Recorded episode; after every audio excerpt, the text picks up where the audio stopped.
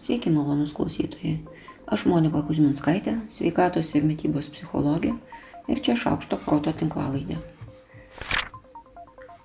Katarin Gildner. Labas rytas pabaisa. Penkios neįtikėtinos emocinio atsigavimo istorijos. Taip vadinasi knyga languotų viršelių, kuri pasakoja iš tiesų tai gan liūdnas istorijas. Aš pati pamenu, kaip ką tik gimus dukrai negalėjau nustoti stebėtis, kaip tokia kruopa, kuri galėtų būti visiškai bejėgiška, iš tiesų turi tiek daug jėgų ir gebėjimų. Ji buvo kas tik nori, bet netrapi, narsiai gerdama visus patyrimus ir kiekvieną akimirką išmokdama ką nors naujo. Vien išlaikyti abi akis vieną kryptimį man atrodė ištisas žygdarbis. Aš jau nekalbu apie gebėjimą sugniaužti kumštį, išmokti vaikščioti ar užduoti gilius klausimus. Tokia gaivališka jėga lieka kiekviename iš mūsų. Ilgainiui, man regis, jie pastebim vis rečiau, bet atsiradus reikalui išgelbsti mus ne iš vienos sunkios padėties. Ši knyga apie tokias istorijas, apie sunkias padėtis. Tikiu, kad jei jaučiatės taip, lik dobė, kurios dugne gulite, yra per gili. Tai šios istorijos gali pasitarnauti kaip šviesos spindulys, kaip mažas stumtelėjimas nepasiduoti. Jūs galite, galite gerokai daugiau negu jums atrodo, nes mes visada turime jėgų, kurių nežinojame, kad turime. Jūs tik nepasiduokite. Catherine Gildiner, labas rytas pabaisa, penkios neįtikėtinos emocinio atsigavimo istorijos. Paprasčiausiai storas. Skaičiau straipsnį, šiaip jau susijusią temą, kodėl daugumą patarimų storiems žmonėms suformuluoti lik būtų skirti vaikams, bet galvoje sukosi visas būrys kitokių minčių. Taip, tai, kad žmogus sveria daugiau negu jam ar jai būtų sveika, yra sudėtingas dalykas. Tai niekada nėra paprasčiausiai per daug ėda klausimas. Ir kartu tai niekada nėra tik septynių dienų dietos klausimas.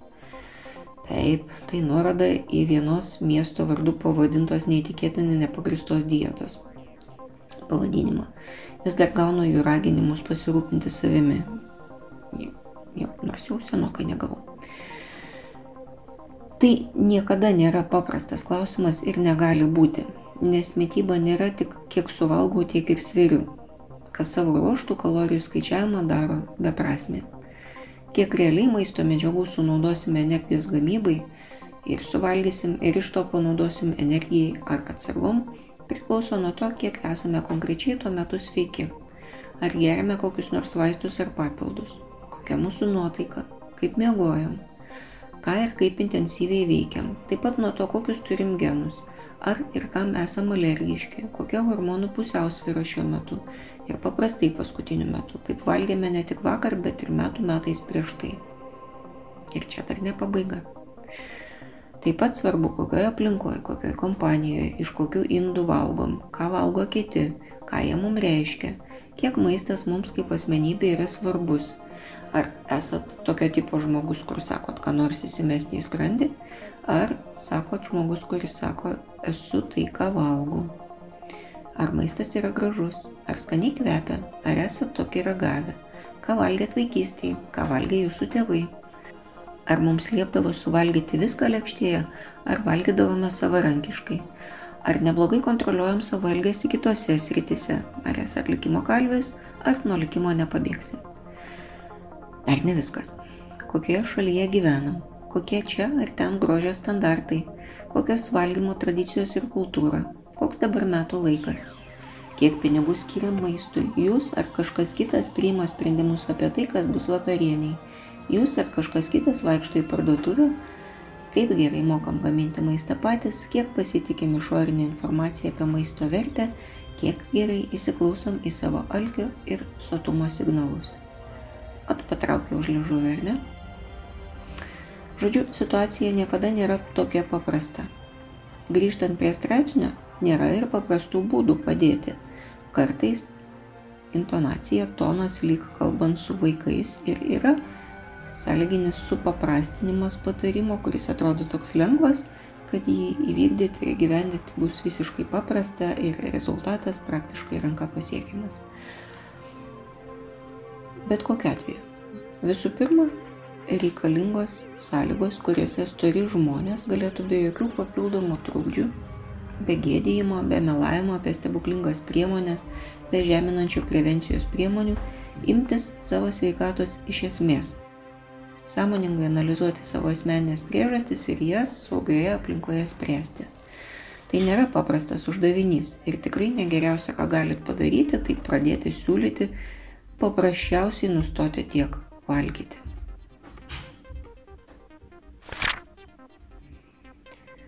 Radau išsamų ir koncentruotą apžvalginį tyrimą, tai kelias dienas pasidalinsiu informaciją iš jo.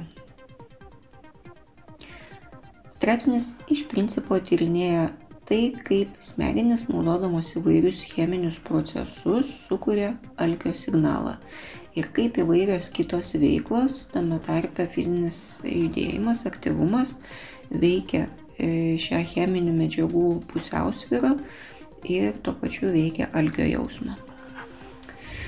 Žmogaus organizmas apetitą sukuria iš endokrininės, metabolinės ir periferinės nervų sistemų siunčiamų signalų. Čia apjungiama suvalgyto maisto, energijos suvartojimo ir turimo energijos atsargų informacija. Smegenyse su šia informacija dirba smegenų kamienas ir pogumburis, kurie taip pat, kabutėse, pasitarė su atlygio sistema mezokortikolimbinėje smegenų dalyje. Čia šitoje srityje karaliauja dopaminas, pasiekimo jausmas ir priklausomybės.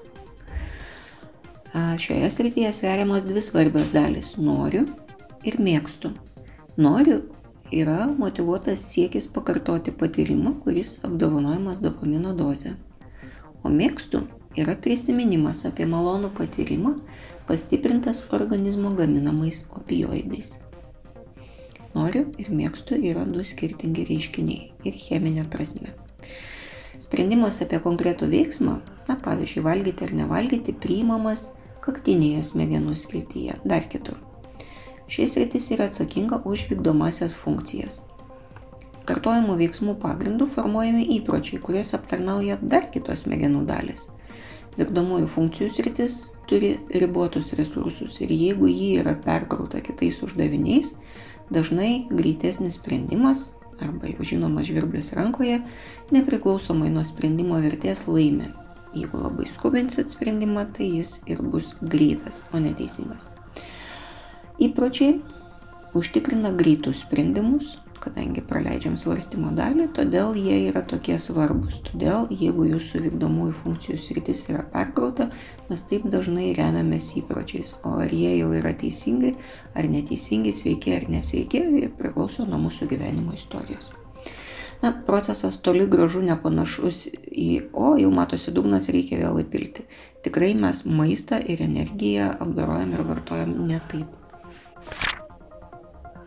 Ir mankštinantis ir valgant pagrindinis motivatorius neurologinė prasme yra kartoti malonės patirtis ir vengti nemalonių patirčių. Patirtis yra jungtinis fiziologinės informacijos ir kognityvinės emocijos informacijos produktas. Fiziologinė informacija yra formuojama dopamino, opioidų signalų, o kognityvinė emocinė informacija yra malonumo, pasiekimo, kalties jausmai. Kai tuos abu signalus sudedame kartu, galim gauti įvairių rezultatų. Pavyzdžiui, tortas gali būti labai skanus, gaunam malonumą, bet dėl jo galite jausti labai didelę kaltę. Todėl bendras patyrimas nebus malonus. Mankšta atvirkščiai gali būti labai sunki, bet po jos galite sprokti iš pasidžiavimo savimi, todėl bendras patyrimas bus malonus. Kai kuriam naujus įpročius negalim remtis patirtimi, jos tiesiog nėra. Todėl tenka remtis prognozę apie tai, ar patyrimas bus malonus ar nemalonus. Tai atlieka dar kitas smegenų sritis. Smalsiem tai dorsolateralinė arba priekinė viršutinė kaktinės žievės dalis. Prognozė irgi yra sritis, kurioje galime klysti, taigi tam tikro tipo sprendimas. Galime remtis netiksliai informacija, neteisingomis nuostatomis ir panašiai. Kuo labiau skubame daryti prielaidas, tuo didesnė klaidų tikimybė. Jei prognozuojam malonumą, mus gali ištikti iš ankstinis malonumas, kaip paspukuotuką akimirką prieš pat valgant medų. Šis pojūtis yra visiškai nepriklausomas nuo paties patyrimo malonumo ir netgi gali pakeisti realaus patyrimo vertinimą. Ne, straipsnis ilgas, čia dar tikrai ne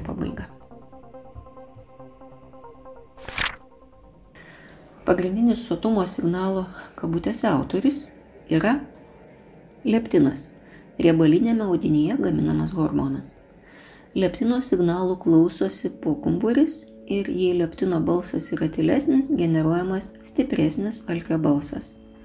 Be to, leptino balso klausosi ir už vykdomasias funkcijas atsakinga smegenų žievė. Kai leptino daug, vykdomosios funkcijos silpsta, Taip, lygiai todėl po pietų nesigalvoja. Mankštinantis leptino koncentracija mažėja. Nebūtinai ir ne, ne visiškai todėl, kad tirpsta riebalai. Tiek daug riebalų mes nesuvartojam energiją pagaminti, kiek sumažėja leptino koncentracija. Asmenys su viršsvoriu, kurie mankštinasi, pasižymi geresnių užduočių sprendimu negu nesimankštinantis. Vadinasi, tai nėra tiesiogiai nei svorio, nei turimo riebalų kiekio efektas. Priešingą hormoną greliną, alkio hormoną gamina skrandis. Didelio intensyvumo mankštos sesija mažina grelino koncentraciją. Tai mankšta mažina ir leptiną, ir greliną. Visų pirma, todėl, kad mankštinantis mes persijungiame aktyviai simpatinę būseną ir virškinimo funkcijos iš principo yra slopinamos. Dar aukšta grelino koncentracija stiprina suvokiamą maisto skanumo pojūtį. Todėl, kai esam labai alkani ir kraujai yra grelino daug, tai tada valgyti lyg ir atrodo skaniau. Na, irgi žinoma liaudės išmintis, kad išalkusiam žmogui daug kas atrodo skanu. Žema leptino ir aukšta grelino koncentracija siejama su geresnė vykdomosios žievės veikla ir geresniu dėmesiu. Ir tai turi labai aiškiai evoliucinę priežastį.